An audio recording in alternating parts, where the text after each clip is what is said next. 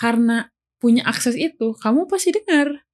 Kalau orang di luar sana tiba-tiba ngomong sama kamu, gini pak, gini pak, pasti kamu nggak akan denger. Mm-mm. Karena buat kamu kayak, nih orang ngapain? Kenal aja enggak, Iya sih. Kok ikut-ikut gitu ya? kok ikut-ikut. Kembali lagi bersama Tius di sini di podcast School of Life. Hari ini kita ada di segmen bersama istri dan karena istriku cuma satu yang sah dan satu-satunya yaitu Agnes. Hai sayang, Hai. apa kabar? Em, baik. Baik. Ya. Oke, kita mulai hari ini. Kita mau bahas tema apa nih yang? Eh, Kamu yang kasih tema. Ya, aku udah kasih tema sih. Ya, temanya apa? Temanya adalah tentang rumah tangga lagi, Rumah tangga. tentang suami istri lagi, Ya. Yaitu tentang dominasi satu pihak di dalam rumah tangga. Oke. Oke, Ya. kita mulai dari Gimana nih maksudnya? Em, dominasi itu seperti apa maksudnya? jadi kita mulai kayak gini. Jadi dominasi itu kayak kalau dia ngomong A, contoh ini yang cukup pekan atau cukup terkenal bahwa cowok itu harus menjadi kepala keluarga gitu. Oke, ya. Nah, terus karena dia kepala keluarga, berarti dia dianggap harus dominasi oleh beberapa orang, oleh beberapa kultur. Jadi kalau si suami itu bilang A, ya semua keluarga harus ngikutin, nggak ada yang bantah gitu, karena dia adalah keluarga. Itu menurutku, Kepala keluarga maksudnya. iya, Oke. karena itu itu yang menurutku salah satu dari dominasi gitu. Jadi si cowok tuh sangat mendominasi dalam keluarga itu, Oke, ya. keputusan, perkataan dan lain-lain. Gitu. Hmm. Ada juga yang cewek yang lebih dominasi, dominan gitu Ya, ada. ada juga itu terus menurutmu kita ya cara kucing kita ngeong-ngeong tapi nggak apa lah Oke. nggak terlalu denger kok nanti kalau di podcast Oke. oke pertanyaan pertama nih sayang menurut kamu dalam rumah tangga kita itu siapa yang dominan Di rumah tangga kita saat ini. Ya. Kalau di rumah tangga kita saat ini menurutku kita berdua tuh sama-sama dominan sih. Mhm. Dalam artian jadinya ya waktu awal karena dua-duanya sangat dominan jadinya nggak susah untuk jalan. Mhm. Susah karena dua-duanya sama-sama keras. Ya. Gitu. Dua-duanya sama-sama dominan. Karena apa ya? Yang tadi kamu bilang di banyak eh, kultur itu kan di banyak eh, budaya Mhm. atau pengertian orang kalau di pernikahan cowok itu em, ya kalau dia ngomong a a gitu Mhm. Mhm. maksudnya bukan cowok suami iya iya gitu Em, tapi aku aku gini kalau di pernikahan kita kan kita sama-sama dominan sebenarnya Ya. tapi juga jadinya em, seimbang juga sih iya iya iya. karena kita sudah belajar untuk saling tahu batasnya. Nah, kalau aku enggak, aku tetap setuju kalau suami itu adalah kepala keluarga. Mhm. Tapi aku tidak setuju ketika apa yang diomongin sama suami itu adalah sesuatu yang mutlak. Mhm. Mhm. oke Jadi kayak tetap, jadi misalnya Hmm. gini, misalnya kamu ngomong apa ya? Contoh, kamu kasih kamu ngomong apa?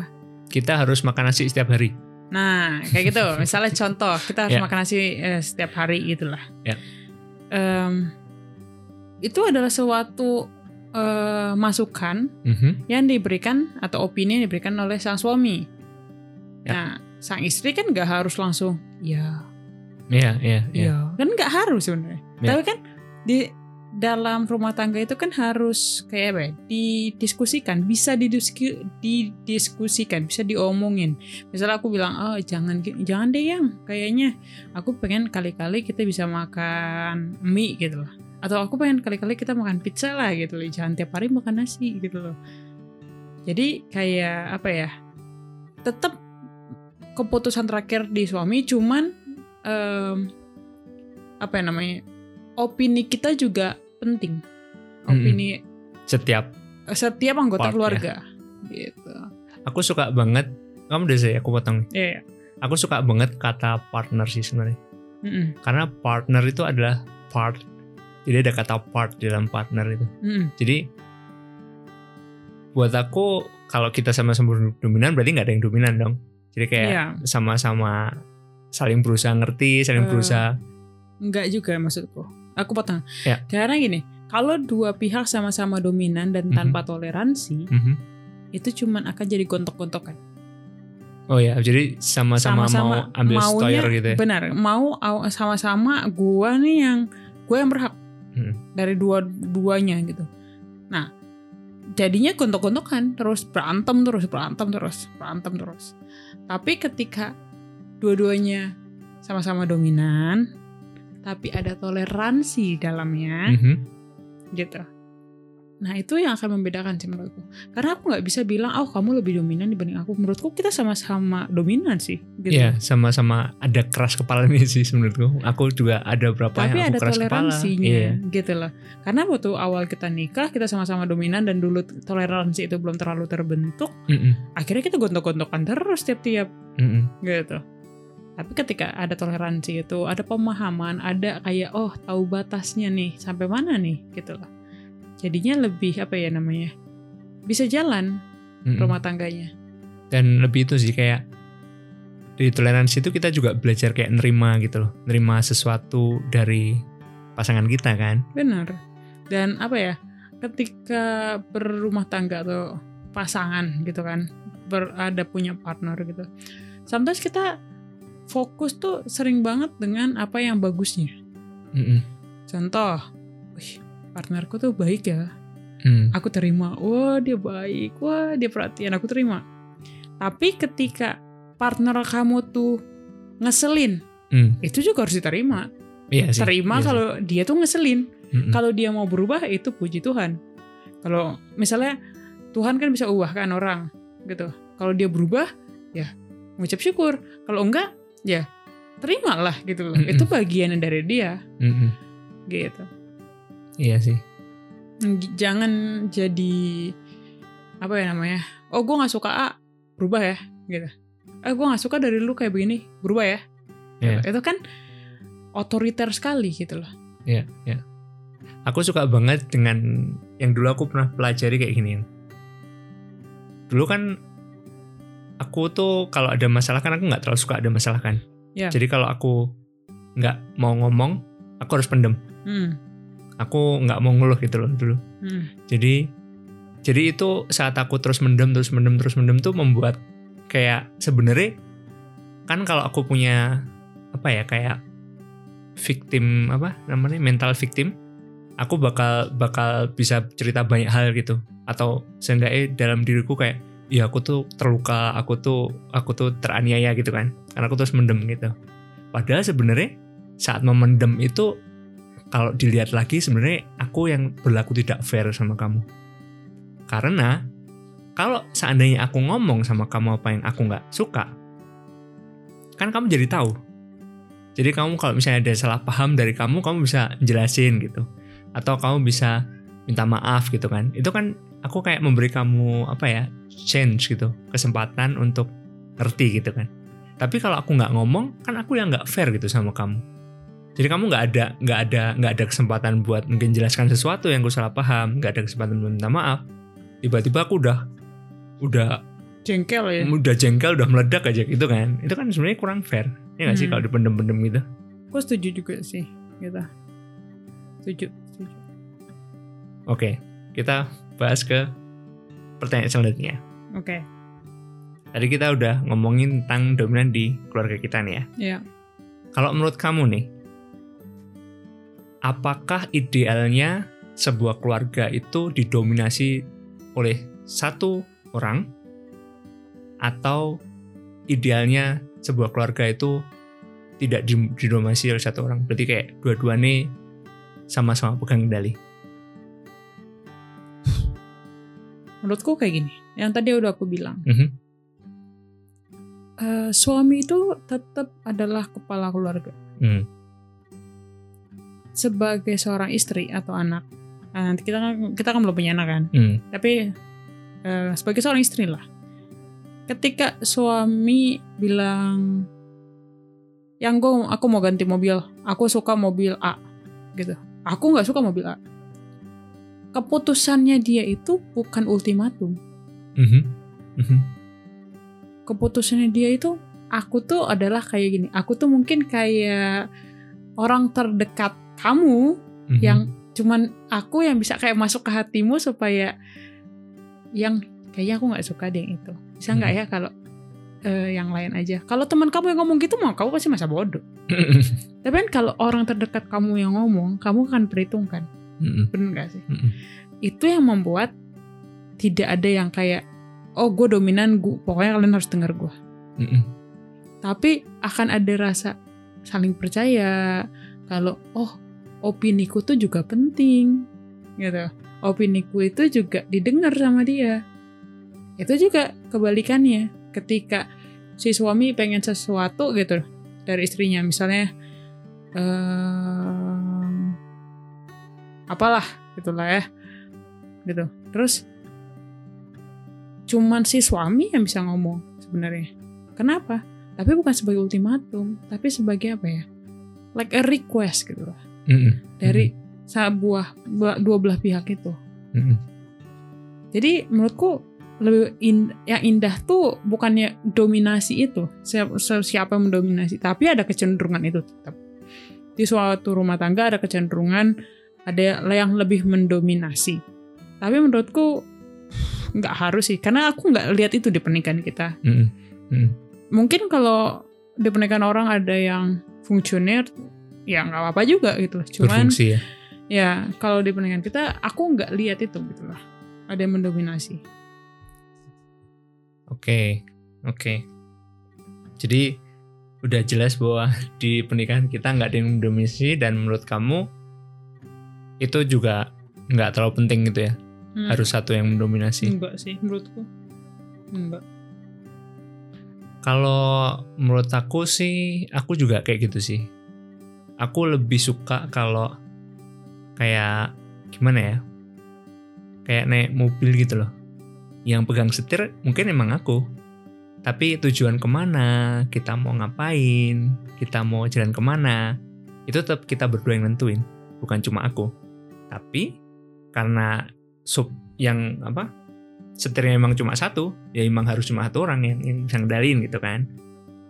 Gitu sih prinsipnya. Ya, jadi ya kalau misalnya kamu mau kita mau ke mana ya kamu kamu adalah pihak yang nyetir Mm-mm.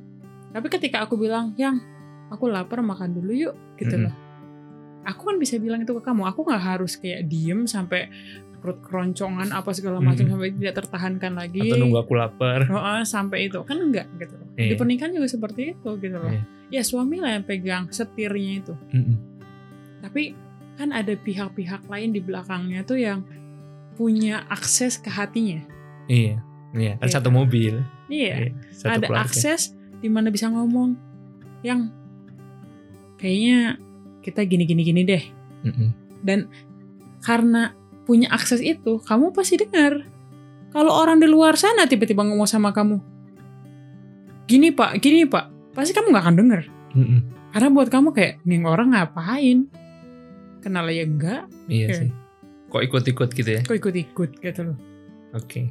Nih, kan pertanyaan selanjutnya saya. Oke. Menurut kamu, tugas seorang istri itu kayak gimana? Dalam Dalam rumah tangga? Dalam keluarga? Apa sih peran istri itu sebenarnya? Oh, gimana ya? Belum disiapin Belum siap. ya. pertanyaan tembakan jedor. Em, tugas istri. Aku tanya dulu sama kamu, tugas suami itu apa sih dalam Buat rumah aku. tangga? Ya. Oh, aku udah siap nih. Hmm. Apa ya? Nah kan? Jadi menurut aku tugas suami itu first things itu kayak menjadi teladan sih. Oke. Menjadi teladan buat keluarga nih, buat istri, buat anak, terus kayak ya yang bertanggung jawab gitu. Karena karena emang emang kepala kan. Jadi kalau kalau seumpama mobil nih dia harus harus konsentrasi kan nyetir gitu. Harus wah kalau misalnya keluarga lagi tidur lagi istirahat gitu ya dia tetap harus tetap tetap nyetir gitu. Jadi ya tetap gimana ya ya tetap menurutku seorang suami tuh buat aku ya kayak keren gitu. Aku suka menjadi seorang suami karena suami tuh kayak gimana ya siap berkorban buat keluarganya.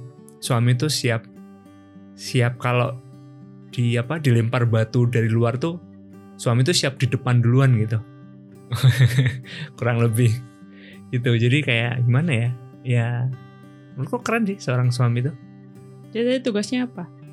menjadi teladan terus Oh, memenuhi misalnya. kebutuhan istri dan anak mencintai Oke. gitu. terus juga kalau dibutuhkan juga harus sebisa mungkin ada sih sebisa mungkin ada kalau dibutuhin gitu terus oke. harus bisa dipercaya Oke. penting Menurutku poin yang tadi Mhm. sebenarnya sama aja sih buat istri. Mhm. Karena di sebuah auto pernikahan itu kan tidak ada lagi kamu-kamu aku-aku Mhm. sebenarnya. Gitu. Jadi dua-duanya ya harus jadi teladan satu sama lain. barengan Sebenarnya. gitu bergandengan tangan Benar. Aku suka eh, apa ya? Karena gini loh. Tugas istri itu apa sih? Aku kalau ditanya kayak gitu aku bingung. Karena em, eh, tugas istri itu apa coba? Beres-beres rumah. Enggak juga kan? Itu kan tugas barengan. Nyiapin masakan. Enggak juga kan? Itu kan tugas barengan. Kerja. Loh, dua-duanya kerja. Tugas barengan. Tugas istri itu apa sebenarnya? Jadi teladan. Ya dua-duanya harus jadi teladan. Aku kalau tanya dari dulu tugas istri, istri itu apa sih? Gak tahu. Bingung Mhm. jawabnya. Karena buatku kayak ya you give your best. Ketika kamu give your best gitu loh. Ya udah gitu loh. Kamu ngapain? Kalau apa ya? Kalau tugas seorang ayah begini begini begini. Terus tugas seorang ibu apa? Ya begitu juga gitu. Gitu. Karena apa ya? Ya dua-duanya itu partner kerja gitu loh. Ketika si ayahnya lagi butuh bantuan, istri yang bantu. Ketika istri lagi butuh disemangatin, suami yang bantu Mhm. gitu. Kalau lagi dua-duanya lagi nggak nggak nggak sama-sama nggak nggak kuat, dua-duanya masuk dalam dalam ini dalam doa Mhm. gitu. Jadi kalau aku sudah dulu tanya tugas istri itu apa? Gak tahu. Kayak aku mikir kayak ya ya lakuin yang terbaik lah gitu loh. Yang kamu bisa gitu loh. Sekarang kalau kamu suruh aku, yang kita butuh lemari bikinin. Nah aku bingung. Mendingan aku beli Mhm. gitu loh kan. Nah aku nggak bisa soalnya. Tapi bukan berarti oh itu bukan tugasku. Kalau aku tukang kayu ya aku bikinin Mhm. gitu. Kalau aku sekarang misalnya aku em, kuliahnya elektrik gitu, misalnya. Kalau ada yang rusak, kamu cowok aku cewek. Misalnya, misalnya nih kita bikin tugas kan biasanya kayak tugas-tugas suami itu yang yang bener-benerin rumah Hmm. apa tugas istri itu masak. Kan ada orang yang mikir gitu kan? Mhm. sekarang kalau kita balik kamu misalnya kuliahnya eh, perhotelan. Mhm. aku kuliah elektrik misalnya. Kita kasih contoh. Terus ada yang rusak nih di rumah ini elektriknya. Yang turun tangan kamu atau gue kamu lah. Bener gak Mhm. karena kamu kalau disuruh itu hancur. Mhm. bener kan? Mhm. Kalau aku suruh-suruh ngenata-nata hancur. Karena Hmm. kamu yang kuliah perhotelan. Mhm. ngerti nggak? Ngerti ngerti. Makanya aku dari dulu nggak tahu gitu. Karena aku nggak suka mengkotak-kotakan tugas istri adalah A tugas suami adalah B tugas. Menurutku ketika di suatu rumah tangga dua-duanya ambil part.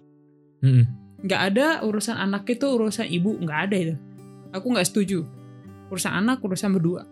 Mhm. gitu urusan cuci baju misalnya. Di rumah ini cuci baju adalah? Tius yes. Ya yang nyetrika adalah disebut Agnes. Nah kayak gitu. Kita bagi tugas sih. Kita kita bagi tugas gitu kita bagi tugas banget. Makanya kalau ada yang tanya tugas istri itu apa sih? Ya nggak tahu. Melayani suami yes.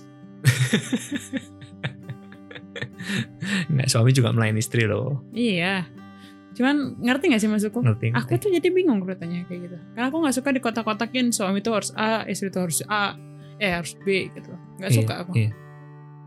Iya sih. Aku juga setuju bahwa suami sama istri tuh bagi tugas gitu. Hmm. Jadi kalau memang kayak gimana ya? Apa yang misalnya aku aku dari dulu nggak suka setrika, Gak bisa pun. nggak bisa gitu. Setrika paling cuma gitu-gitu doang gitu. Jadi kebetulan kamu bisa setrika nih. Meskipun gimana ya? Aku juga bisa setrika, tapi kan kita bagi tugas gitu Hmm. kan. Terus kalau misal buang sampah nih, aku aku lumayan care buang sampah gitu karena cuma ambil buang ambil buang gitu doang. Tapi kalau ngepel, nah aku aku serahkan sama kamu gitu kan. Kita kan bagi tugas kayak Hmm, gitu. Bener. Jadi kayak aku tuh nggak begitu tahu sih tugas Mm-mm. suami apa, tugas istri apa. Menurutku dua-duanya harusnya sama dong. Soalnya aku ngeliat kalau single parents mau ngapain. Mm-mm. Dia kalau ada rumahnya butuh apa terus misalnya si mami tinggal mamanya, suami udah nggak ada. Terus mamanya nunggu sampai dia dapat suami baru gitu baru dikerjain. Enggak kan gitu. Iya, Dia harus kerjain. Iya. Makanya menurutku tidak ada sebenarnya. Dua-duanya harus bisa dikerjakan.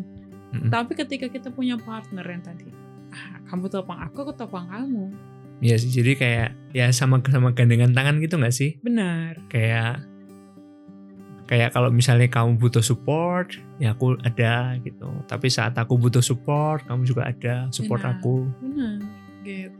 Apa yang kamu nggak bisa, kalau aku bisa aku bantu. Dan kalau nggak bisa kita dua-duanya nggak bisa, ya kita cari orang lain. Iya. Atau kita ya gimana kalau emang harus dikerjain ya, gimana pun bisa kerjain lah gitu. Benar. Makanya kayak ya nggak menurutku itu cuman sebuah kata-kata sih itu tugas istri apa tugas suami Allah. Mm-mm. Karena itu Iya sih. di sebuah rumah tangga ya dua-duanya punya partnya mereka. Mm-mm. Gitu. Terus menurutmu kalau kalau misal nih cewek kerja dan cowok kerja itu gimana? Atau harus cowok yang kerja cewek di rumah atau harus kebalikannya? Em, sebenarnya ya tergantung dari suami istrinya ya. Mm-mm. Actually. Mm. Tergantung dari suami istrinya gitu. Sebenarnya tidak ada kayak ada aku tahu beberapa pasangan di mana suaminya bilang udah kamu gak usah kerja ke istrinya. Mm-mm. Udah kamu gak usah kerja kamu di rumah aja ngurus anak. Ada. Mm-mm. Ada juga suami yang bilang pokoknya kamu harus kerja Mm. gitu. Ada juga Mm. gitu. Jadi aku tidak apa ya. Tapi buat aku sendiri selagi kamu emang mau Mm-mm. selagi kamu emang bisa why not gitu lah cuman ketika misalnya ada kan em, kalau kita di Jerman gini kan ada kayak kalau udah punya baru punya anak itu kan bisa ambil kayak apa ya namanya alternate child alternate child itu Waktu, waktu cuti. untuk cuti untuk ngurus anak gitu Mm. lah ya kalau emang bisa why not gitu lah Mm-mm. Mm-mm. Loh, kan anak itu juga lagi butuh maminya ya gitu Banget, lah. iya, banget, banget. Jadi ya selagi ini kenapa enggak Mm-mm. gitu loh tapi tidak menurutku tidak ada keharusan Mm-mm. Gitu. Iya sih. Menurutku juga tergantung sebenarnya tergantung perjanjian sih. Jadi kita nggak bisa bilang kalau misalnya pernikahan si A itu si cowok yang kerja, cewek yang di rumah itu jelek. Kita nggak bisa bilang gitu maksudnya. Atau kebalikannya kalau pernikahan si B, si cewek kerja, cowok di rumah jelek nggak bisa kan? Kan tergantung mereka kan. benar Kita juga gitu. Kita kita mutusin buat kerja bareng kalau bisa.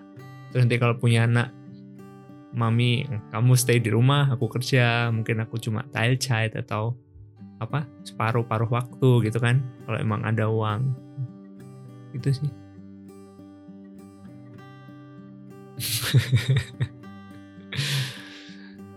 oke kita udah buat podcast selama 20 menit lebih hampir 25 menit. Sebenarnya aku pengen tanya satu pertanyaan lagi. Tapi ini pertanyaan sangat-sangat penting, oke. Yaitu apakah menurut seorang Agnes sangat penting bahwa seorang ayah itu ikut mendidik anak dalam arti kayak kayak gimana ya Tahu gak sih? Karena karena kan nggak tahu mungkin kultur aku dulu.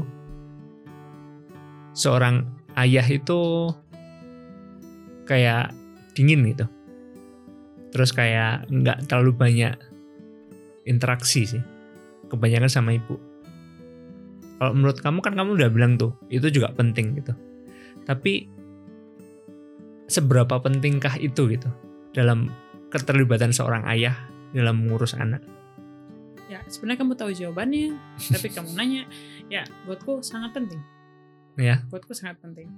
Karena jangan menjadikan anak itu yatim Mm-mm. di rumah yang dengan orang tua yang lengkap. Hmm. Ngerti? Mm-mm. Pa- Papa mamanya ada, tapi anaknya yatim. Atau bahkan papa mamanya di rumah, tapi anaknya yatim piatu. Mm-mm. Karena dia nggak ketemu papa mamanya, papa mamanya sibuk sendiri. Ada.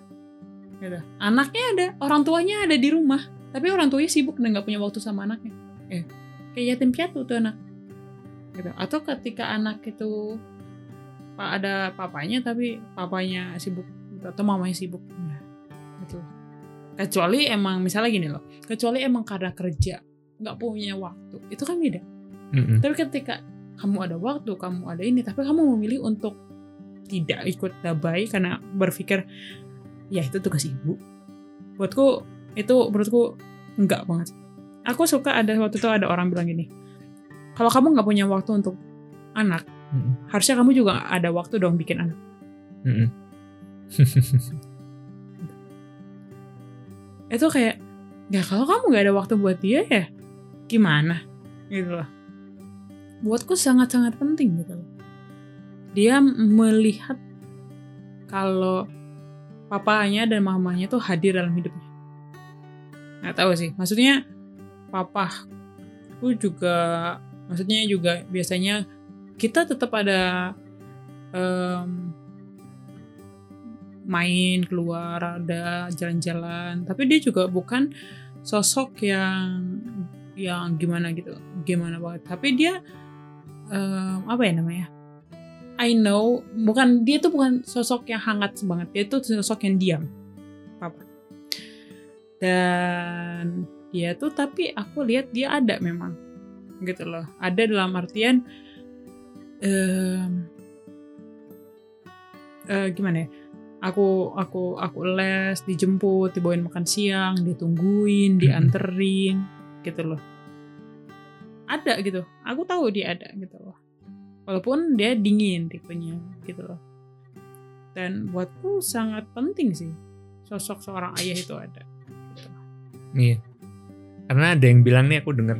Aku nggak tahu sih aku suka banget sebenarnya kayak aku wish, aku wish banget aku tuh punya hati seorang ayah gitu. Maksudnya seorang bukan bukan cuma ada tapi hadir gitu loh. iya yang tadi aku, bilang Iya, aku bener-bener pengen punya menjadi sosok ayah yang hangat.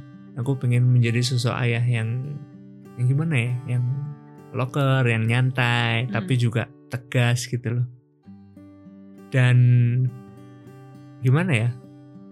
Karena jujur aku tidak mengalami dan tidak memiliki sosok ayah yang seperti itu gitu bukan berarti ayahku jahat, papaku jahat, enggak. Cuman aku tidak enggak aku itu itu enggak enggak enggak pernah aku lam- alamin gitu. Dan dengan belajar berjalannya waktu, dengan aku menjadi gede, aku juga baca-baca buku gitu kan.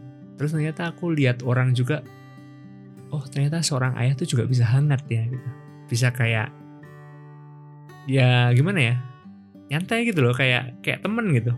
Ya itu yang yang buat aku wow sih. Dan itu yang menjadi tujuan gue sih.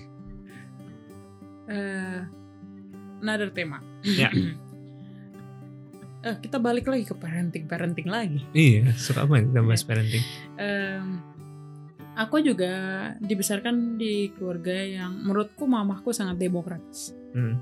sangat demokratis Em, ya nggak sangat sangat banget sih ada juga yang dia AA gitu kan ada tapi dia termasuk yang demokratis juga Em, aku tuh gimana waktu kecil tuh kayak ada momen-momen di mana aku tuh dimarahin tapi aku nggak ngerti aku dimarahin kenapa Mhm.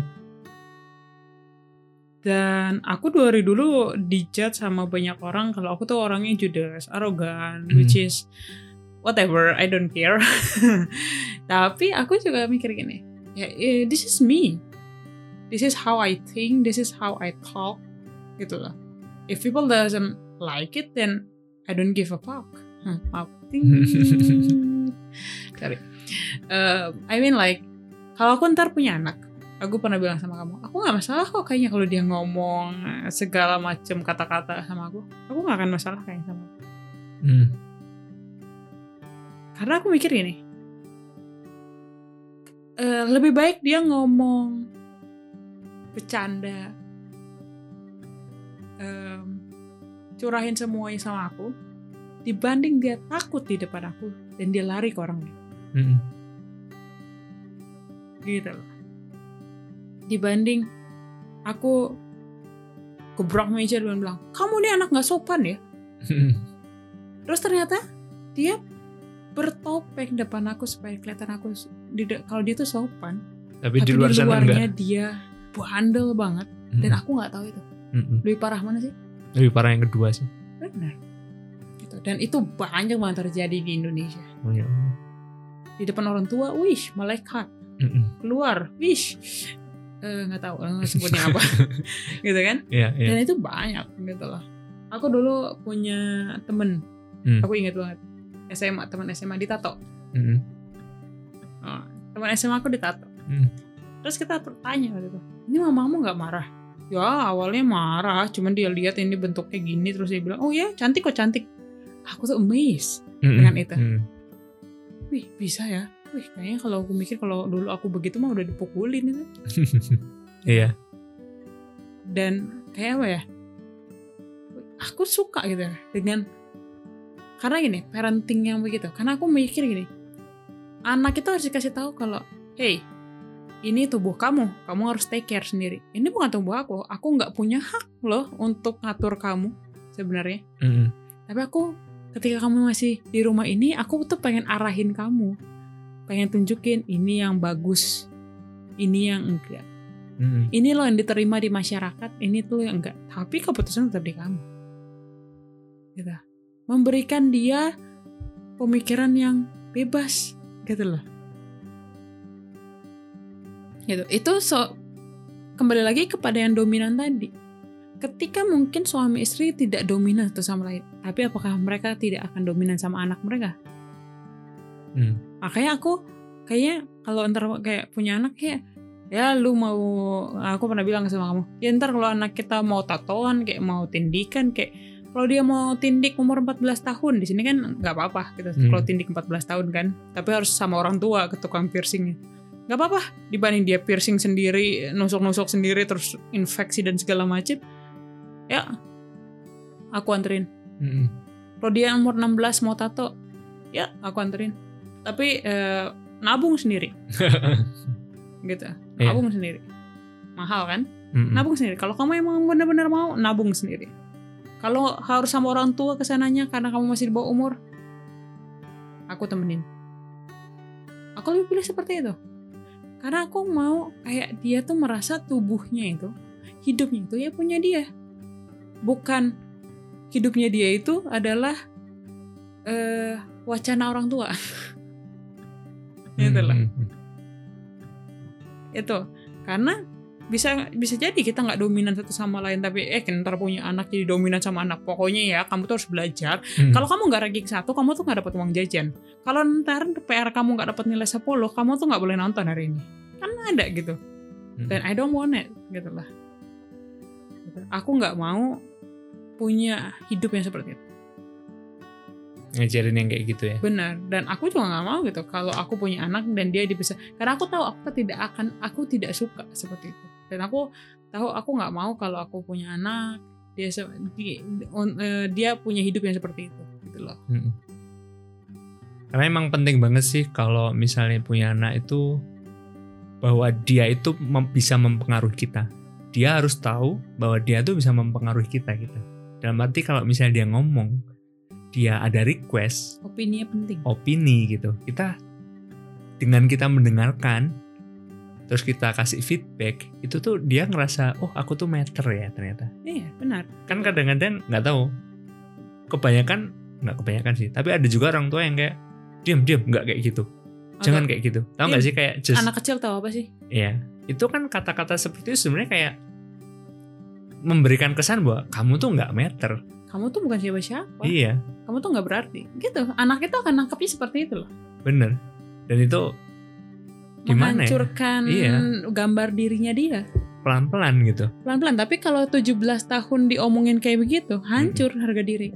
Iya, dia kayak Eh, Bukan harga diri, jati eh, gambar dirinya hancur. mm-mm, Ketika dia keluar dari rumah itu, ketemu orang di luar, dia nggak akan percaya diri. mm-mm. Karena di, di rumah diomongin. Tahu anak kecil tahu apa sih? Iya, dia, dia dikasih nilai bahwa dia tuh nggak berarti gitu. Benar. Dia dikasih nilai bahwa menjadi seorang anak itu ya melakukan apa yang orang tuanya kasih. Eh, sorry, apa yang orang tuanya Kasih tahu. inginkan Iya. gitu, apa yang Padahal anak itu gitu. bukan robot. Padahal dia bukan robot. gitu loh makanya kalau ntar oke, eh, ya maksudnya gini loh tetap ada dasar-dasar yang kayak gimana ya kita orang Kristen lah ya kalau Mhm. aku sama kamu orang Kristen kita punya dasar Alkitab gitu aku akan bebasin anakku nggak sebebas-bebasnya banget gitu loh. Tetap dikasih kebebasan tetap dikasih boundaries gitu loh. tetap dikasih batas tetap dikasih rules gitu loh. Tapi misalnya dia mau jadi tato artis silahkan. Dia mau jadi pelukis silahkan gitu. Tapi ketika misalnya dia datang ke kita mom dad I wanna be a drag queen. Aku bakal tanya lah ini tahu drag queen dari mana? Mm-mm. gitu loh. Tetap harus ada bound harus ada apa ya batasannya Iya, maksudnya itu tetap keputusannya dia. Tapi mungkin aku sebagai orang tuanya aku bisa kasih opini kok. Apa dia lakuin itu keputusannya dia. Tetap Mm-mm. seperti yang tadi kayak kamu. Ketika aku punya akses ke hati kamu kamu masih perhitungkan ketika oh, bagi orang nggak semua orang tua loh punya akses ke hati anak-anak. Nggak semua kayak. Dan nggak semua anak yang tadi kamu bilang punya akses ke hati orang tuanya. Nggak Hmm. semua. Mm-mm. gitu. Waktu dia mereka masih kecil ketika kita mendominasi hidupnya mereka mungkin akan jalan karena mereka takut. Karena mereka ngerasa aku nggak bisa apa-apa aku masih kecil. Ketika mereka sudah dewasa mereka merasa akan ngerasa wih gue ini udah gede gue bisa pilih sekarang. Gue nggak akan denger orang tua aku ngomong apa. Selama ini mereka ngomongnya bullshit semua soalnya. Atau kebalikannya, dia menjadi pribadi yang tidak percaya diri sama sekali. Bener-bener. Antara dua. Iya. tapi ya nggak nggak jadi apa sih oh gue nggak percaya diri sama sekali. Jelek banget. Nggak gue orang tua gue tuh ngomongnya cuma bullshit doang. Jelek banget juga gitu loh. Nggak pas juga. nggak pas juga gitu. Jadi kita tuh harus kayak gimana ya tahu bisa masuk ke dalam hatinya. Nggak jadi otoriter. Dan kuncinya adalah penerimaan. penerimaan. Nerima dia apa adanya. Nerima dia mau kasih tahu kalau iya opini kamu tuh penting loh. Mesti kamu, kita kamu tuh harus boleh membuat memilih iya, kita harus membuat dia itu ngerti bahwa dia itu berarti gitu. benar Kan susah juga kan, mesti kadang anak kecil kan nggak tahu ini mau papanya maksudnya apa gitu kan. Tapi gimana caranya supaya dia bisa ngerti gitu. Misal ya kayak seperti aku bilang, didengerin, di dipertimbangkan opininya dia gitu meskipun masih kecil kan. Hmm. Bener, bener gitu loh. Oke, gitu aja. gitu aja. Kamu ada pesan-kesan terakhir buat teman-teman kita Em, untuk tentang rumah tangga? Tadi kita membahas awalnya tentang dominan di rumah tangga kita jangan ke parenting lagi, tapi nggak apa lah. apa ya? Em,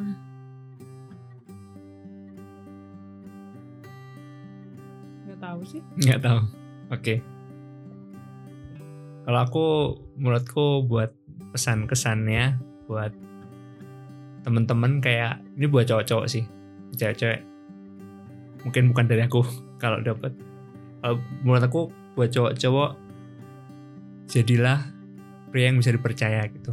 Jadilah pria yang you just give your best untuk mencintai kekasihmu, untuk mencintai pasanganmu, jadi teladan, jadi kepala keluarga, bukan yang otoriter, tapi kayak menjadi teladan malah.